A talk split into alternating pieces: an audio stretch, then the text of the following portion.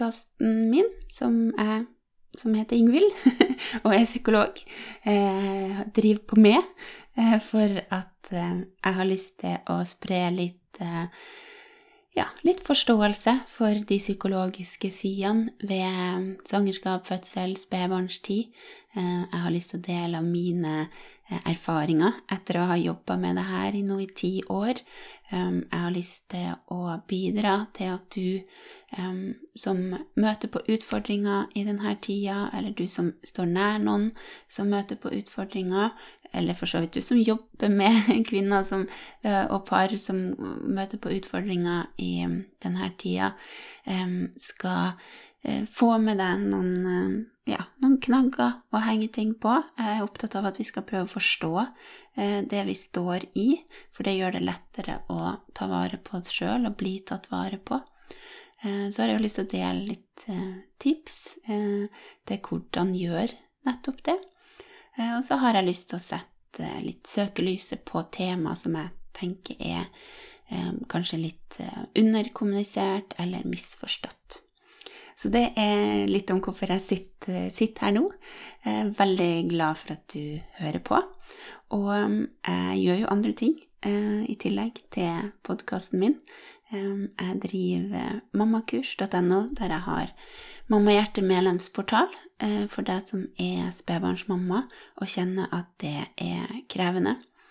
Eh, og så har jeg eh, kurset Min fødsel, som er et helhetlig fødselsforberedende kurs som har laga sammen med jordmor, fødselsdoula og fysioterapeut, som hjelper deg å forberede deg til fødselen, sånn at du kan kjenne mer ro og trygghet og få dempa fødselsangst hvis du er veldig redd for å føde. Få bearbeida en tidligere negativ fødselsopplevelse hvis du har med deg det.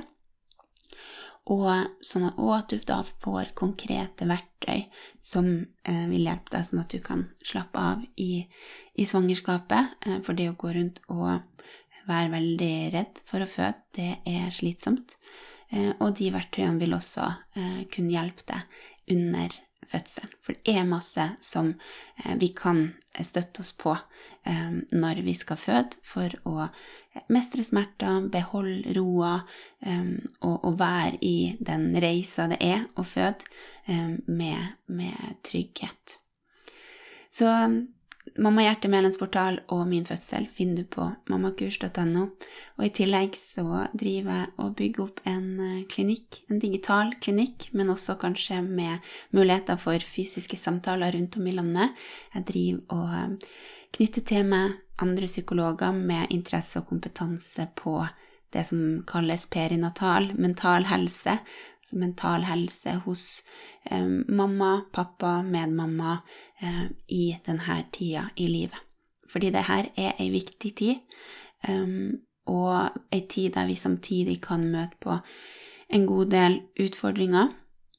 Og da eh, kan det være viktig og godt å få utforska det, eh, få prata med noen om som, eh, hvordan forstå det som foregår, og hvordan eh, ta vare på seg sjøl oppi alt det her. Så du kan sjekke ut partumpsykolog.no for å se nærmere der om du finner en psykolog som du ønsker en samtale med. Men i dag så er så glad for å um, ha Mari som gjest igjen i podkasten min. Mari Heger hun er fertilitetscoach, har også sjøl erfaring med ufrivillig barnløshet og fertilitetsbehandling, og hun jobber eh, med kvinner og par som står i det sjøl. Jobber med bl.a. med samtaler med vekt på å eh, støtte eh, med vekt på støtte i denne tida, som kan være, være veldig krevende på mange måter. Um, og i dagens episode, i samtalen med Mari, så um, har vi fokus på det her med uh, parforholdet. Hvordan uh, kan, uh, kan, du og dere, hvis dere går gjennom et par og går gjennom ufrivillig barnløshet, er i fertilitetsbehandling. Um, hvordan, um, hvordan, utfordringer først og fremst er det vanlig å uh, kjenne på. Vi må snakke litt om det, for det, um, jeg treffer jo uh, mange som, som, har vært gjennom det her, og som beskriver hvordan sant, parforholdet at, at, det kan oppstå en avstand der, i ei tid der vi egentlig trenger enda mer nærhet. Og det er Jeg hører jo også for mange som syns at det er, det er vanskelig for omgivelsene, andre, å forstå det man går igjennom. Det kan være ganske så ensomt. Um, så bare det å ha det her som tema i podkasten tenker jeg er viktig for, å, for at jeg har lyst til å bidra til at du som er i det nå, eller har vært gjennom det, føler deg mindre alene. Og at hvis dere um, merker at det her er tøft for parforholdet, så vit at dere ikke er alene om det. Fordi den, og det her gjelder jo egentlig alle slags utfordringer vi møter på.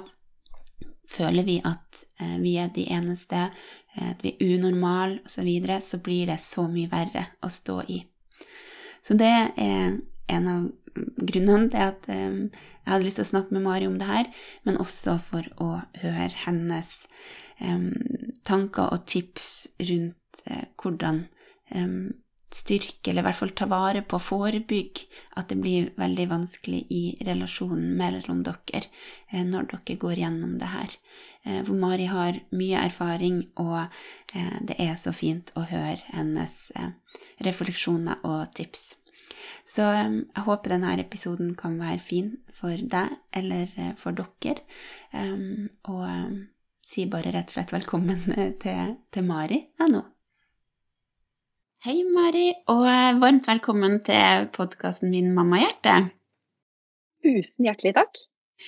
Du har jo vært gjest her eh, tidligere, men det er, det, det er det ikke sikkert alle har eh, fått med seg. Så kan ikke du si litt om hvem du er og hva du holder på med? Ja, jeg heter Mari og jobber som fertilitetscoach. Eh, det vil si at jeg følger opp Eh, par og single, likekjønna og heterofile gjennom deres reise mot det å få barn. Ja. Eh, det er ikke alltid at det å få barn kommer på bestilling eller blir så enkelt som man hadde sett for seg eller håpa. Mm. Flere trenger eh, hjelp, behandling til å få barn. Og det kan by på utfordringer både emosjonelt og mentalt, og i relasjoner, og kan ta stor plass i livet vårt. Mm. Så min jobb er å eh, være en form for guide gjennom, eh, gjennom ja. den eh, reisen for å kunne oppleve det ikke smertefritt, for det vil vi aldri eh, kunne, men at man kan oppleve å kanskje håndtere det litt bedre. Mm. Mm. mm. Og ja, du sa jo litt der om at det å ønske seg barn, eh, men så skjer det ikke når når vi vil det, eller på den måten som vi, vi ønsker. Eh, og at det mm. påvirker oss, og bl.a. relasjonene, da. Og det var jo litt det vi hadde snakka sammen om kunne være tema for, for samtalen vår nå. Det her med, med, med parforholdet. Og mm. um, når vi er i et parforhold og ønsker oss barn, men så, så skjer det ikke, så, så påvirker jo det oss. Noe, ja, noe annet hadde jo vært um, vært veldig rart. Men, men, det kan jo påvirke oss ulikt, eh, mm. parforholdet. Og um, hvordan utfordringer erfarer du at, uh, at par kan, kan, møte på når de opplever ufrivillig barnløshet? Når man, jeg møter jo også par eh, som prøver på egen hånd. Mm. Eh, og som har De fleste heterofile parene som vi møter på, har jo forsøkt i en god stund på egen hånd før man ber om mer hjelp. Mm. Uh, og ofte så starter det jo med både gode følelser, det er spenning. Uh, man, har, man har høye forventninger til det. Mange har, mange har det. andre har ingen forventninger til det, men heller at ja, skal det skje, så skjer det. Så veldig forskjellig inngangsport til det å skulle bli foreldre og det å lage barn sammen. Da. Mm. Men når det ikke skjer, når man har samleie og man venter på og skal teste, og menstruasjonen kommer måned etter måned, og resultatet uteblir, så skjer det ofte noe med oss som er eh, felles for veldig mange. Um, og når vi opplever at det ikke kommer eh, en positiv test, eh, så kan man ofte kjenne på eh, mye usikkerhet. Eh, stresset kan øke betraktelig. Og mm. hodet blir fylt av mange tanker og spørsmål på hva som er gærent. Eh, kan vi aldri få barn? Hva er det som er, Hvorfor får ikke vi det til? Mm. Um, og så kan da ofte eh, fokuset bli såpass altoppslukende på syklus og på tidspunktet for eggløsning eh, at det blir nesten styrende for eh, samlivet da, og mm. hverdagen. Um, og jeg husker jo veldig godt uh, flere runder hvor ene gangen hvor min mann skulle på en jobbreise. Uh, og så skulle han videre på en uh, vennetur. Mm. hvor jeg sier at glem det. Altså, du kan ikke dra. Det, det, du, du, kan, du, kan, ikke dra. Fordi jeg har eggløsning når du er på den gutteturen. Så det, det går ikke, det. Og da, da, kjenner, da er det noe riktig Eh, helt oppriktig uro og frykt for å gå glipp av en syklus inni meg som er så reelt følt. Mm. At hvis vi går glipp av den syklusen, hva om det var den?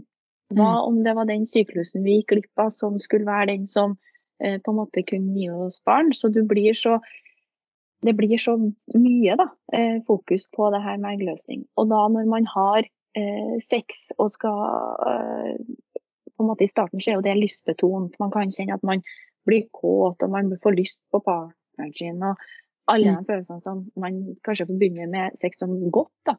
Og så går det over til å bli eh, en plikt.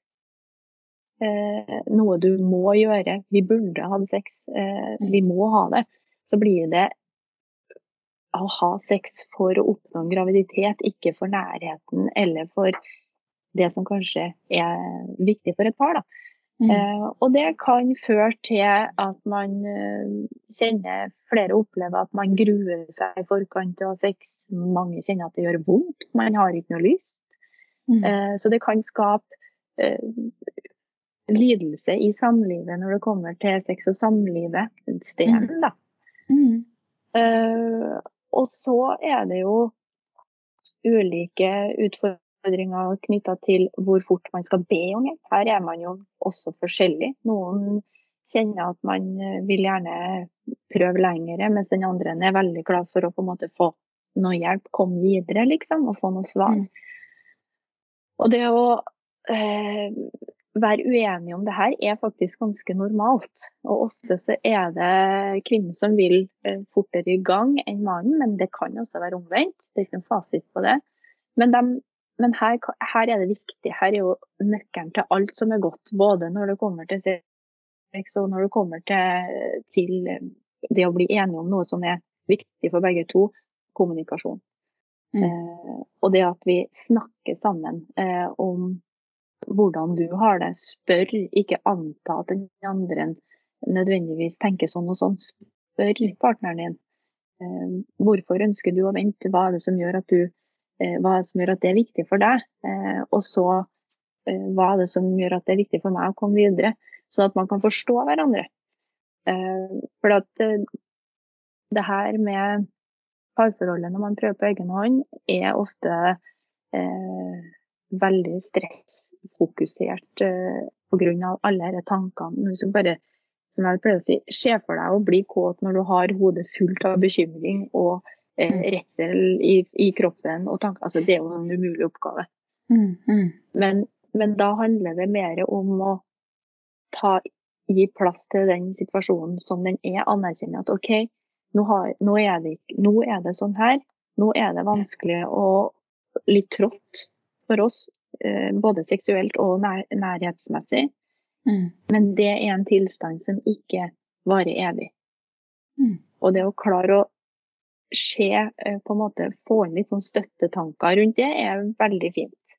For mm. at hvis vi fort Jeg møter jo uh, par som opplever at denne manglende sexlysten, plikten og alt dette veldig stramme rammene rundt eh, det å ha sex eh, sammen, det, det, kan gjøre at man blir litt tvilende på kjærligheten mellom hverandre. Mm. Eh, og det å snakke om det kan hjelpe å plassere eh, følelsene der de hører hjemme. Fordi lidende sexliv i denne situasjonen trenger ikke ha, trenger ikke å bety manglende kjærlighet for hverandre. Men mm. barneønsket har kommet i veien. Det mm. fraværet av det har kommet i veien. Og det mm. trenger vi å få satt, satt noen ord på, hvis ikke så blir det en sånn elefant i rommet som begge kjenner på, som ingen snakker om. Mm. Ja. ja, klart. Mm. Så jeg treffer jo um, jeg treffer jo mest kvinner i samtaler, da, av og til par, men mest kvinner rundt om i landet. Og, og, en del har jo kanskje vært gjennom en periode med, med, med prøving og, og, og ufrivillig barnløshet. Og, det som en del nevner, er jo ikke den her Det går fra å være et felles prosjekt til å bli at man føler at ok, vi er ikke helt i samme Ja, vi er kanskje på samme veien, men vi kjører i forskjellig bil da, eller forskjellig tempo, og at det nesten kan utvikle seg en sånn um, fiendtlighet, eller man kan føle seg ikke forstått av partner. da, så hvis, hvis, mm. hvis, man sjøl er den som kjenner at det her er så viktig, det her, uh, vi, må, vi, vi, må, prioritere det her nå foran alt, foran ikke sant, jobbreise eller gutteturer. og og den her avstanden, og man mister liksom fellesskapet og de gode følelsene, og at man nesten blir litt i en kamp mot hverandre, da, og ikke liksom fellesskap i, i det her, da. Mm. det er jo et stort tema, et stort spørsmål å gi deg, men, men hva Snakk, sier du jo. Det er jo alfa og omega alltid, men hvordan få til å snakke om det, da? For det er jo fort at man føler seg angrepet eller misforstått, mm. eller mm. Det ene er jo å be om hjelp hvis ting har låst seg. Mm. Det å få en tredjepart eh, inn i samtalen kan mm. ikke nødvendigvis løse alt der og da med en samtale, men det kan hjelpe, hjelpe et par til å på en måte eh, få satt av tid og rom til å prate, starte samtalen, og kanskje også få hjelp til å vite litt hva skal vi trene oss på fremover. Mhm. Hva, og det, det ser jeg jo at det er viktig. Eh, fordi det å be om hjelp kan jo ofte føles at eh, ja, man eh, at det er et svakhetstegn. Men, men, det å be om hjelp handler jo om å vise at det her er viktig for meg. Du er mm. viktig for meg. Mm. Eh, og, og, akkurat nå anerkjenner så, så står vi fast. Og det er helt greit. Det er helt normalt å stå fast mm. i den perioden der. Det er, og det er ikke noe rart at man gjør det heller. Eh, så det kan jo være en, en, et tips, da. Å, og be, om, be, om, hjelp fra profesjonelle til å ha en ekstern samtalepartner som man kan komme i gang med praten på. Mm. Eh, eller så kan det være å sette seg hver for seg og skrive, eh, skrive ned eh, hvordan man selv har det. Yeah. For å ta med seg det skrivet inn i et, en prat. Mm. Og noen ganger, det her er litt forskjellig hva par ønsker, men noen ønsker å bytte ja. ark. Ja, nettopp. Ja. sånn at man får innsikt eh, i hverandre, eh, hverandres følelser i samme situasjon. Man står jo i samme situasjon, men vi håndterer det forskjellig, opplever det forskjellig. Og det er ikke noe som er rett eller gærent. Mm. Men her trenger vi på en måte å da se, bli kjent med ulikhetene våre. Mm. Og sette pris på likhetene, for det vil også være noen likheter der. Mm. Så det kan være én måte å gjøre det på. Andre par eh, skriver Eh, på en måte et brev til partner uten å sende det, men for å bli mer kjent med hvordan man selv eh, ønsker å formidle hvordan man har det. Mm. Men det å sette av tid, det mm. det er jo det første. Altså anerkjenne at situasjonen er litt vanskelig akkurat nå. Det er helt menneskelig og helt normalt. Men det å da sette av tid til eh, faste tider. Da. Noen eh, har, har, jo en hektisk hverdag i tillegg. Så var det en som sa til meg at Ja, men da, da, er det greit at jeg innkaller deg i kalenderen, da. ja. ja. Så tenk, ja. Overhus, ja. Men da blir det gjort, i hvert fall. Sent. Og man kan kjenne at å nei, det høres jo helt kleint ut, skal ha innkalling av partneren til en prat i kalenderen. Men hvorfor ikke? Mm. Eh, ja, finn, fin måter som gjør at man faktisk får gjennomført det. Eh, og da kan man ha faste tider hvor man setter av tid til å prate om barneønsket, om situasjonen. Mm. Eh, og så kan man da også ha en avtale på at utenom de her tidene, så kan vi prate om andre ting Ja. og gjøre andre ting. Mm. Eh, og det er litt at vi anerkjenner, og ofte, i hvert fall min opplevelse, er at mange er redd for å Ja, men hvis vi tar opp, hvis vi setter fast tid, og så har vi det egentlig ganske bra akkurat nå, Mm. så skal vi rippe opp i det som ikke er bra, da. Mm. Eh, og det er mange som er kjempeengstelige for. Eh, men som jeg prøver, som min erfaring er at det Altså, barneønsket er der fortsatt. Og i perioder så har vi det bedre, eh, og det skal vi nyte. Men det å ta opp et vanskelig tema når vi har det ålreit, det gjør ofte at vi kan klare å få en bedre dialog rundt det. At vi har et annet emosjonelt eh, tilknytning til situasjonen, og at vi ser det fra kanskje mer åpent fra andres perspektiver, og kanskje ser det mer åpent fra andres perspektiv, Mm. enn når vi hver gang skal ta det opp når vi er emosjonelle, når vi er, kjenner på sterke følelser. Eh, da Mm. har vi ofte vanskeligheter med å ordlegge oss, vi har vanskeligheter med vi har mer enn nok med oss sjøl, og vi kan ha vanskeligheter med å vise empati for partneren vår. Så Mm. det å være ikke, Vi trenger ikke å være så redd for å prate om det som er vanskelig når ting er greit. For Mm. der tror jeg vi har masse å hente eh, for å, som vi kan ta med oss videre inn når det blir vanskelig. da. Mm. Ja, Ja. absolutt. Og det jeg eh, sitter og tenker på når du snakker, er jo det at liksom det å ikke se på det som en svakhet med oss som par, eller et tegn på at vi har det dårligere enn andre par i samme situasjon. For ofte så har vi jo sånne antakelser som hindrer oss i å nettopp um, ha de her samtalene, eller sette av den tida, eller ha et blikk på liksom å, å ta vare på oss i, i prosessen, da, for at vi, vi er redd for at det skal bety noe, noe, noe større, noe, noe mer negativt da, om oss. Så unngår vi det, da. Og det er jo, altså, det er jo forståelig, men det er jo ja, som du sier? Det, det påvirker oss jo uansett. Og noen ganger kan det være, har vi det godt, og da kan det jo være litt fint å snakke om, om temaet da òg. Altså bare for å huske på hvordan er det for oss når vi har gode perioder. Mm. Eh, og så herlig med de der praktiske. Jeg syns det er så herlig at vi kan kombinere både litt sånn, vi snakker om det litt mer større og det djupere, men også det litt sånn praktiske, da. For livet er jo, er jo veldig praktisk til tider. Og, Ja. og bare sleng på en sånn artig erfaring jeg hadde med et par dem. Ikke sant, det med skriving er jo for noen vanskelig. For noen er det veldig naturlig, mens for andre er det vanskelig. Men jeg hadde et par som leste inn sånn talemeldinger til hverandre. Ja, det har jeg òg. frem og Mm. tilbake. Og det, er, ja, det kan jo også være en fin måte. ikke sant? Du sitter kanskje i, Ja. jeg vet ikke, på bussen eller på, har et fem minutter på jobb, så bare OK, send en, over en talemelding. Mm. Mm. Eh, Det er jo en, en kjempefin teknikk Mm. å bruke. Mm. Ja. Helt klart. Um, jeg tenker, nå har vi jo um, Det vi har snakket om nå, kan jo, kan jo gjelde alle som er i en eller annen fase knytta til det å ønske seg barn uh, og, og, og jobbe med å få til det.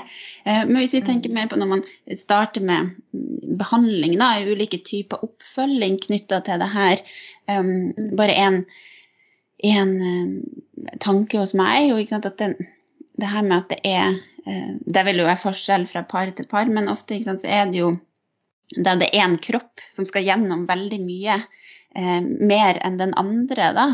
Eh, og alt som innebærer med hormonbehandling og undersøkelser osv.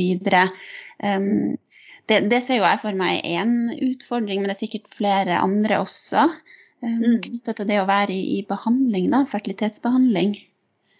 Som par. jo, ja, du er jo inne på noe kjempesentralt med at pga. at vi er mann og kvinne, eh, så, på, så, blir vi ulikt investert i behandlinga. Mm. Vi investerer forskjellig i behandlinga. Eh, og det, det, er viktig at man eh, er klar over å snakke om at det, det at jeg må gjennom behandlinga fysisk, det, det, speiler ikke at mitt ønske er noe større enn min manns. Mm. Eh, så vi har eh, Ofte så ser vi at ønsket er likt, men vi investerer eh, forskjellig inn i behandlinga, som gjør at kvinner som går inn i behandling, har ofte vans mere, altså, strever mer med å gi slipp på eh, tankene rundt resultatet, tankene rundt behandlinga, eh, og kjenner da også naturlig nok mer følelser i det her jevnlig.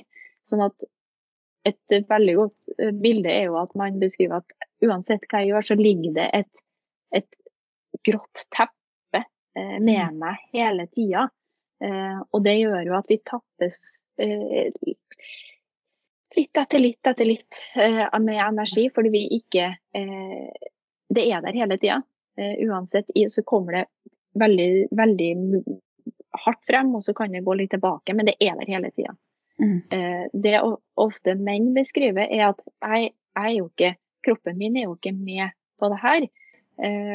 Sånn at jeg har mye lettere for å gå inn i det og så går hun og så ut av det igjen. Ja. Mm.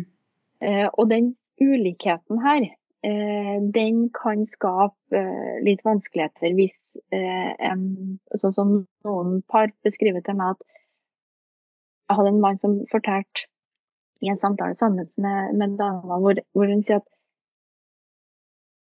idet jeg setter meg i bilen, så vet jeg hva jeg kommer hjem til. Mm. Da er det sorgen igjen. Eh, og den følelsen av å kjenne at man ikke vet hva man skal gjøre, eh, den er det mange menn som kjenner på. Man blir veldig eh, kjenner på en håp, altså nesten sånn håpløshet av å ikke kunne hjelpe eh, kona si eller samboeren sin til å mm. få det bedre. Eh, og at man uansett hva man gjør, så får man ikke fiksa problemet. Og det er jo veldig, veldig mange menn som sier at jeg har jo er vant til å på en måte kunne enten betale, betale ut eller eh, lese meg opp eller gjøre sånn at jeg klarer å fikse det, eller eh, skaffe noe hjelp eller ordne, ordne og fikse. da. Mens mm. det her handler jo om følelser. Så da eh, er det jo mange menn som trener seg på å eh, lytte og ikke fikse. Og det er en stor utfordring for mange også. Mm. Eh, og det, det den ulikheten her, den kan jo føre til at veldig eh, mange kvinner opplever at man bærer, bærer, prosessen. At man kjenner seg litt ensom eh, i en felles prosjekt, da, i et felles mm. prosjekt. Mm. Fordi man går og bærer på de følelsene og tankene eh, hele tida, og så gjør ikke partneren det i, det samme, i samme grad. Og så kan man fort få en usikkerhet på vil ikke du det her like mye som meg? Mm. Eh, eller er det noe gærent med meg? Eh, hvorfor får ikke jeg til å gå ut og inn av det på samme måte? Så ofte, det, det jeg ser at det kan noen ganger, hvis man ikke, hvis man ikke prater om det, da, så kan man oppleve at eh, det kan bli en form for litt sånn sammenligning eh, på hvordan vi, hvordan vi, håndterer det her. Eh, og det som er interessant, som jeg syns er fryktelig interessant eh, med å ha par inn til behandling, det å få begges perspektiv inn i samme situasjon. Mm. Og det som er interessant også ofte for kvinnen, er jo å høre at mannen sitter jo med de samme følelsene. Mm. Ofte. Så hvis vi ser f.eks. to følelser som er eh, sorg over å over å ikke eh, være gravid eller over å ha eh, mista eh, en graviditet, vært gjennom en abort. Um, så, og også redselen for om man kanskje aldri får bli mamma, eller om det her skal ta fryktelig lang tid. Mm. Uh, så er det sorg og redsel som er knytta til barneønsket. Når jeg sitter i samtaler med et par da, så kan, når vi snakker om sorg som en følelse, når vi snakker om redsel som en følelse, så kjenner mennene seg igjen ofte i de følelsene. De sitter med, ofte med samme følelsene. Men det er ikke plassert i like stor grad på barneønsket. Det, er, det de, mange beskriver, er at de har en sorg over eh, å på en måte ikke å ha mista partneren sin. Ja. Den de ble forelska i, eh, den de på en måte eh, kjente før det her prosjektet mm. trådte til og ble så vanskelig, mm. så kjenner de Flere beskriver at de kjenner på en sorg over å ha på en måte mista, eh, mista det de hadde. Og så kjenner de på en redsel over eh, og skulle miste enda mer.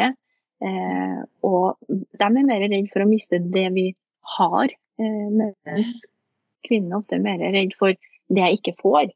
Eh, og det å få en samtale rundt det her eh, er bare ja, Får gåsehud når jeg tenker på det òg, men det er en det, så, det, blir ofte en veldig ekte, sårbar og fin prat. Eh, fordi fordi man kan oppleve at ja, eh, det her handler jo om barneønsker for begge to. Men situasjonen påvirker oss forskjellig. Mm. Og det å få perspektivet til mannen inn for kvinnen er ofte også veldig veldig nyttig.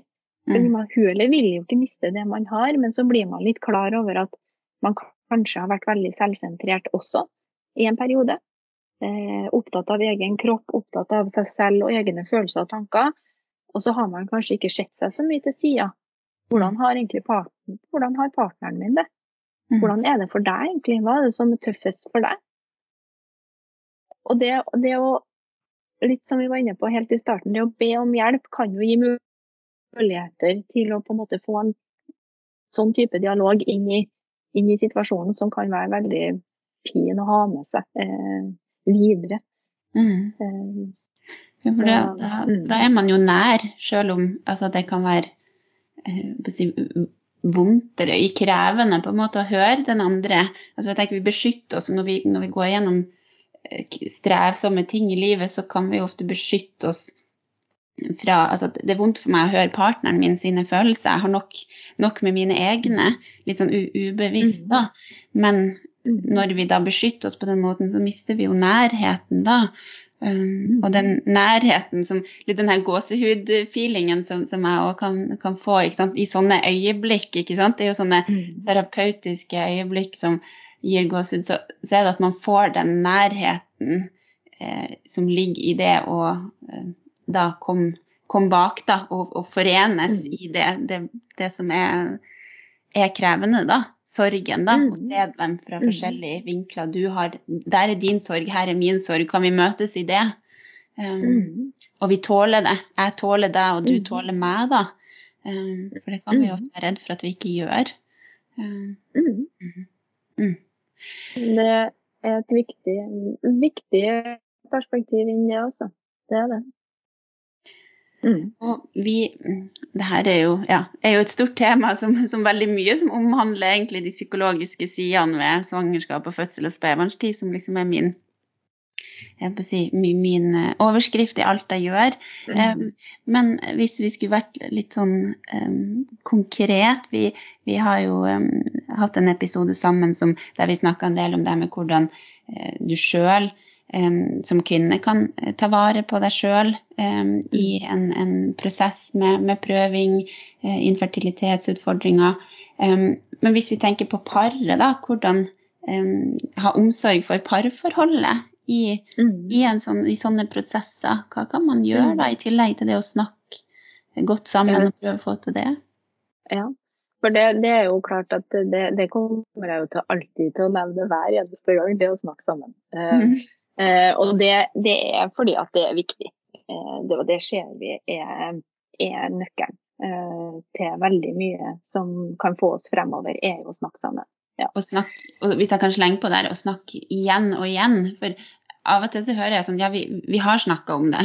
Og så har vi kanskje snakka om det én gang eh, eller to ganger. Mm. Som, men, men, igjen, da. Mm. Jeg tenker det å snakke sammen, det er ikke noe man er ferdig med, da. Det må vi gjøre igjen og igjen, egentlig. Og at ikke Helt enig. at det ikke på en måte er et, et, um, hva skal jeg si, At vi må prøve å tenke på det som at det ikke er et ork heller, da, men at det er en slags ivaretagelse. Vi, vi beiser jo plattingen igjen og igjen, da, for å ta et sånt Mhm. bilde. Det er ikke bare én gang Ja. så er ferdig. Ja.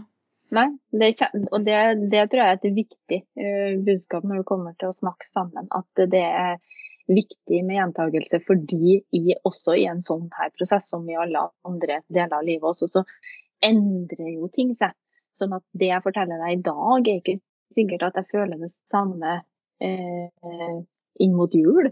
Eh? Sånn at det at vi hele tida er oppdatert på hverandres eh, følelser og tanker der vi er her og nå. Det er jo her jeg kan hjelpe deg, ikke hvordan du følte for, for fire uker siden. Det, da, da, da bommer jeg. Sant? Mm. Så det, det med gjentagelse er viktig. Så har jeg det her med, som vi snakka om, med nærhet. altså jeg og min mann innførte den eh, fra en terapeut, og det har hjulpet oss i Det høres veldig sånn klisjé og banalt ut, men, men det hjelper. Fordi berøring og nærhet er jo noe som fører oss sammen, eh, og som kan ha vært en mangelvare eh, i denne prosessen over lengre tid. Mm. Eh, og mange kan være redd for at berøring og nærhet skal føre til sex eller noe sånt. Og det å holde rundt hverandre. Mm. Eh, vi har innført, eller min mann da, har innført, eh, innført jo tisekundersklemmen som vi fikk av vår terapeut. Og da, i starten så er det jo sånn kjempekø. Så sånn, ja, nei, men da sto vi her, da. Eh, eh, litt sånn kleint. Men når, når, han, når han slapp, så kjente jeg jo at det jo godt. Mm. Eh, så det, å, det er en sånn bitte liten ting som, som ikke Mm. koster så mye. Men hver dag gi hverandre lang, langklemmen, som jeg kaller den, i ti sekunder, og hold den. Og så kjenn på den følelsen av at noen holder deg nære, og at det er partneren din, og kjenn på hvor god følelse det er. Mm. Mm. Eh, og så, den er veldig fin. Jeg må bare slutte med den. ja. Vi, vi praktiserer den her i huset òg. Gjør ikke det? Ja. Ja, for det, altså, jeg tenker uansett da, Hvis man tenker parforhold gjennom et livsløp, så kan det være perioder der vi har lite eh, tida, overskudd. Det kan være ikke sant, belastninger i familien, stress på jobb, sykdom, hva det nå er. Eh, Men det å ha en sånn nonverbal, det er det jeg syns er fint med den klemmen, er at den, vi, da, da, trenger vi ikke, da, da trenger vi ikke å snakke. Altså, da, kobler vi på hverandre, oss på hverandre på et, et hakket mer sånn basic nivå. Da. Og vi er jo inne på ikke sant, oksytocin, som er tilknytningshormonet som man får ved sånn, den gode klemma. Så ja, klem. Lang klem. Ja. ja. ja. Nei, det er, men det er utrolig hva det gjør, altså. Mm. Eh, og og man, eh, man må prøve det for å kjenne at det faktisk har en kortsiktig, men også en langsiktig effekt, rett og slett. Og så må man holde litt lenge, for man kan, altså hvis man står i mye stress, da, indre stress i livet, som man gjør i, i perioder med, med ufrivillig barnløshet, så, så kan det være ubehagelig å ta en klem fordi at man må stoppe opp, og det kommer kan si det, det kan komme følelser og reaksjoner som du eh, vanligvis holder litt på avstand fordi du er i aktivitet, eller, så, men man må holde seg gjennom den, den den første responsen òg. Hold klemmen, Mm. selv om du først kan få litt sånn urorespons. Mm. eh, Som gjør at du får lyst til å avslutte og uh, videre middagen, Ja. liksom. Men Ja. hold seg gjennom den. Mm. Godt råd. Ellers så er det jo å øh, Jeg jobber jo mye med å, å fortsette å skape gode opplevelser sammen. Ja. Eh, det å eh, på en måte, litt som vi har snakka om før, å gi plass eh, til eh, barne, barneønsker og behandlinger, men gi også plass til gode opplevelser. Ved å gi plass så kan du på en måte prioritere den, hvor mye plass det skal få. Eh, og da også være mer bevisst på gode opplevelser. Det å skape minner eh, også i en vanskelig eh, tid Mm. eh, er viktig. Eh, og da bruker jeg noen ganger også litt sånn perspektiv på å se tilbake på egen reise. Hvordan, hvordan ville du Hvordan har du lyst til å se tilbake på den? Eh, og da, da, er det flere som kan komme liksom, med flere innspill eller eh, ja, komme med flere tanker rundt hva de kan gjøre sammen som er gode opplevelser, selv om det er vanskelig.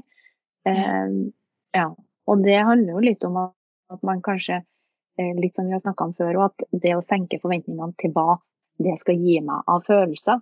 Men det at vi gjør noe sammen, er også viktig for parforholdet vårt i en krevende situasjon. Det at jeg har noen minner sammen med deg, eh, også når vi står i denne prosessen, er kjempeviktig. Mm. Eh, så noen, noen, gjør det så konkret at de inviterer hverandre på hver sin ting. Eh, og det, det kan være alt fra en kaffe, eh, en kaffe en lunsj, en kaffe. Det kan være Noen har invitert en som er veldig glad i kajakk, og det har ikke partneren vært så glad i, men pga. øvelsen de har fått av meg, så skal han være med på det. og det å være med på hverandres Eh, ønsker og interesser også, det kan skape denne nærheten som man har kjent eh, på har vært fraværende. Mm. Eh, og så er det, som jeg sier, at det kan høres rart ut, men alenetid. Eh, det å gi hverandre raushet på å få lov til å bare være med, eh, er viktig også for å ivareta et parforhold i en vanskelig tid. Eh, og det å gi raushet til å la den andre få lov til å være seg uten forventninger, uten krav eller tilpasning. For det vil vi ha. Vi er kollegaer, vi er søster kanskje, vi er datter, vi er, par, vi er partner. Vi er noe hele tiden. Mm. Eh, og det å bare få lov til å være Marit for meg, eh, mm. hvor jeg bestemmer hva innholdet i den tida skal være, ikke partneren min, det, det er mitt valg. Eh, det er også noe jeg anbefaler å snakke om eh, som par, eh, og, og, på en måte legge inn eh, som en del av hverdagen òg. Eh, at man er raus med hverandre med alenetid. At det handler ikke om at jeg ikke vil være sammen med deg, men det handler om at jeg må ta vare på meg for å kunne være enda mer til stede når vi to er sammen. Mm, mm. Så, og så er det litt uh, konkret hvor jeg, hvor jeg, ser Når jeg snakker med veldig mange, så hører jeg veldig mye ordbruk uh, på Og det er jo sånn små endringer, men det er veldig mange som bruker ordbruk som må uh, og burde, eller burde ikke gjøre. Vi må ha sex, vi burde ha hatt det. Vi, burde, vi burde ikke dratt dit. Eh, jeg burde ikke gjort sånn. Mm. Eh, og det er jeg ganske tydelig til dem på at vær bevisst på bruken av burde og må. Fordi det legger opp uh, til veldig lite økt motivasjon. Vi har veldig lite handlingskraft og gjennomføringsevne ved ting vi burde og må gjøre. Uh, og hvis vi ikke gjør det, så sitter vi ofte igjen med mye dårlig samvittighet. Uh, så det å trene seg på å legge inn, bytte ut burde og må med kan. Jeg kan gjøre det. Eller jeg har lyst til å gjøre det. Eller jeg skal gjøre det. Mm. Det er små endringer som har ganske stor effekt eh, på, på, hvordan vi har det i den prosessen. her. For det er enormt mye må, burde og burde ikke. altså. Mm. Så hvis, hvis, du hører på denne episoden her og kjenner deg igjen i det, så kan mm. Det være en nyttig utforskning å mm. legge merke til eget ordbruk på akkurat det. Mm. mm. Eh, og så er det klart her også vil jo åpenhet komme inn som et tips fra min side. fordi Eh, det er Vi ser jo at det er helsefremmende både på kort og lang sikt å ha åpenhet med nære, eh, gode relasjoner. Og det kan også på mange måter avlaste forholdet litt. Så at mm. man har andre å prate med, andres, mm. og man kan også få andres perspektiver inn i en kanskje låst situasjon.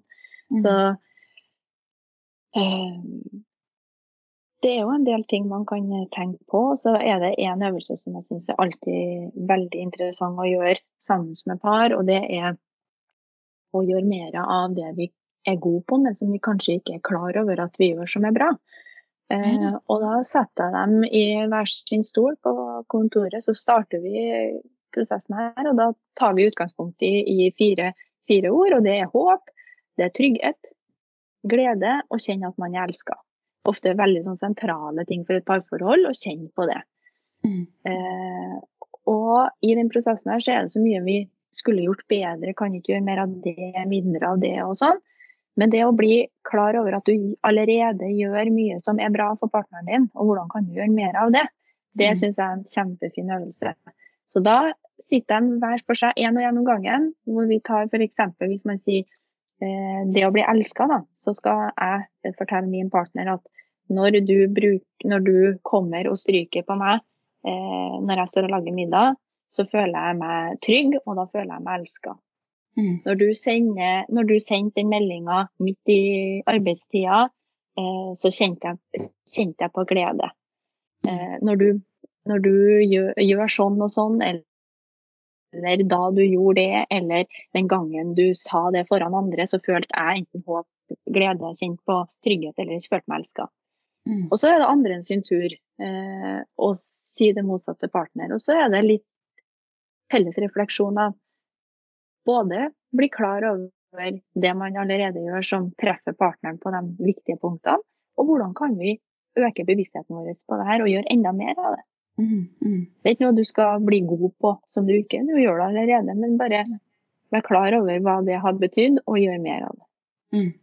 mm. Ja, og det er jo et, et, lettere utgangspunkt enn å starte med liksom her er minuslista di, men heller start med 'det her gjør du', og det vil jeg ha mm. mer av. Og så kan vi jo mm. øve oss litt på å legge på noe ekstra, da.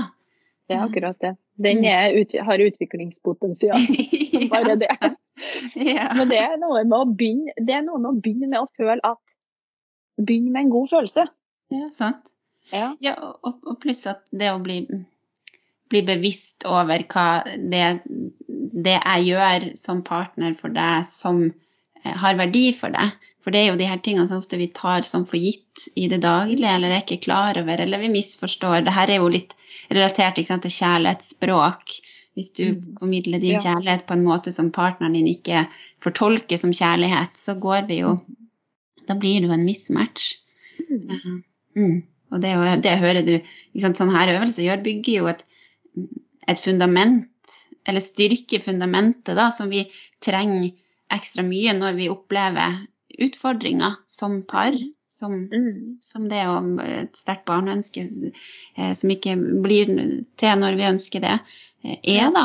Så for, for det, jeg kan jo tenke meg at det kan være Å, har vi liksom ork og tid til å, å, gjøre sånn her? Vi som må takle ikke sant, masse løpende skuffelser, krevende behandlinger, mm. eh, ja, spenning som er helt forferdelig. Men ja, kanskje er det liksom gå ned i kjelleren og bygge litt på grunnmuren òg, eh, samtidig, da. Mm. Og det, er ikke, og det er jo alt det vi snakker om nå, så er det jo ikke det at alt, alt det vi snakker om er relevant for alle. Eh, sånn at, men det å, å, gå inn i sin egen situasjon og hvordan man selv har det, og finne ut hva er det som trigger meg, da? Hva, hva er det kanskje vi har litt godt av å på en måte eh, utforske litt mer. Mm. Eh, det, er noe, det, er nyttig, for det er ikke sånn at uh, parene jeg har inn, får tredd over hodet alle. Velkommen alle. til Maris uh, smørbrødliste. Ja. Vær så god. Nå skal dere alltid, få det bedre. Vi skal jo alltid gjøre altså, sånn utforskning og justering, endring, med, med litt sånn vennlighet og godhet da, for oss sjøl. Det er sånn, mm. prøver i hvert fall jeg når jeg eh, treffer kvinner som møter på utfordringer. Liksom, for det kan jo fort bli en sånn 'jeg må', nå må jeg eh, endre meg, nå må jeg takle ting annerledes. Nå må vi eh, liksom, sette oss ned og gjøre øvelser for å få det bedre sammen. Altså det blir strengt, da. At det blir litt sånn, sånn nettopp det du snakka om i stad, som kan være lurt å, å eh, ja, være bevisst på å ikke bruke den typen ord. Og også tenke at nå, vi gjør det her av omsorg for, for oss sjøl og, og parforholdet, mer enn at mm det er noe vi må gjøre for at vi ja, skal klare oss, ja. liksom. Mm. Jeg har veldig stor tro på det. Mm. Eh, jeg kjenner den eh, bare på alt jeg gjør, egentlig. Jeg har fryktelig mye mindre burde og må i mitt liv. Og det kjennes veldig mye bedre. Åh, ja, den, om, jeg bruker ordet omsorg. Altså, liksom det her med å være ja. god altså, ja, Hvordan ville du ha vært med, tenkt om ei god venninne, ikke sant? Vi er jo alltid så mye strengere med oss sjøl Um, Mm. ja, gi til seg sjøl og partner det Ja. vi ellers ville ha gitt til andre òg. Mm. Ja. Nei, men du Mari, tusen takk for at du um, deler av erfaringene dine og tipsene. Og, og um, det jeg i hvert fall tar med meg, er jo litt den her med åpne opp for at det her påvirker oss, og eh, tørre å, å se på det på de måtene det, det påvirker oss som par, og se hva Mm. kunne vært godt da, eh, Mm. for oss. Mm. Det er jeg enig i. Og det tør vi å vise sårbarhet overfor partner og fortelle at jeg er kjemperedd for at jeg ikke skal bli mamma. Mm. Så kan vi i mye større grad oppleve at vi blir møtt på det, Mm. eh, enn om vi ikke våger å fortelle det, men heller da vise frustrasjon og sinne for at vi ikke får til å for at behovene våre ikke blir møtt. Og da er det ganske vanskelig for partner å Mm. gå forbi det sinnet og den frustrasjonen fordi at han ikke tok ut av oppvaskmaskinen og tenke at er du redd for at, du ikke, at, du ikke, at vi ikke skal lykkes?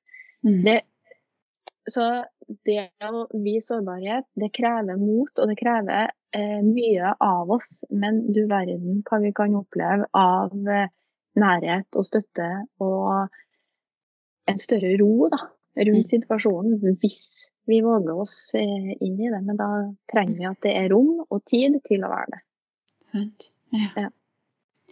Tusen takk, Mari, for, eh, for praten. Ha det godt. Takk det samme. Ha det.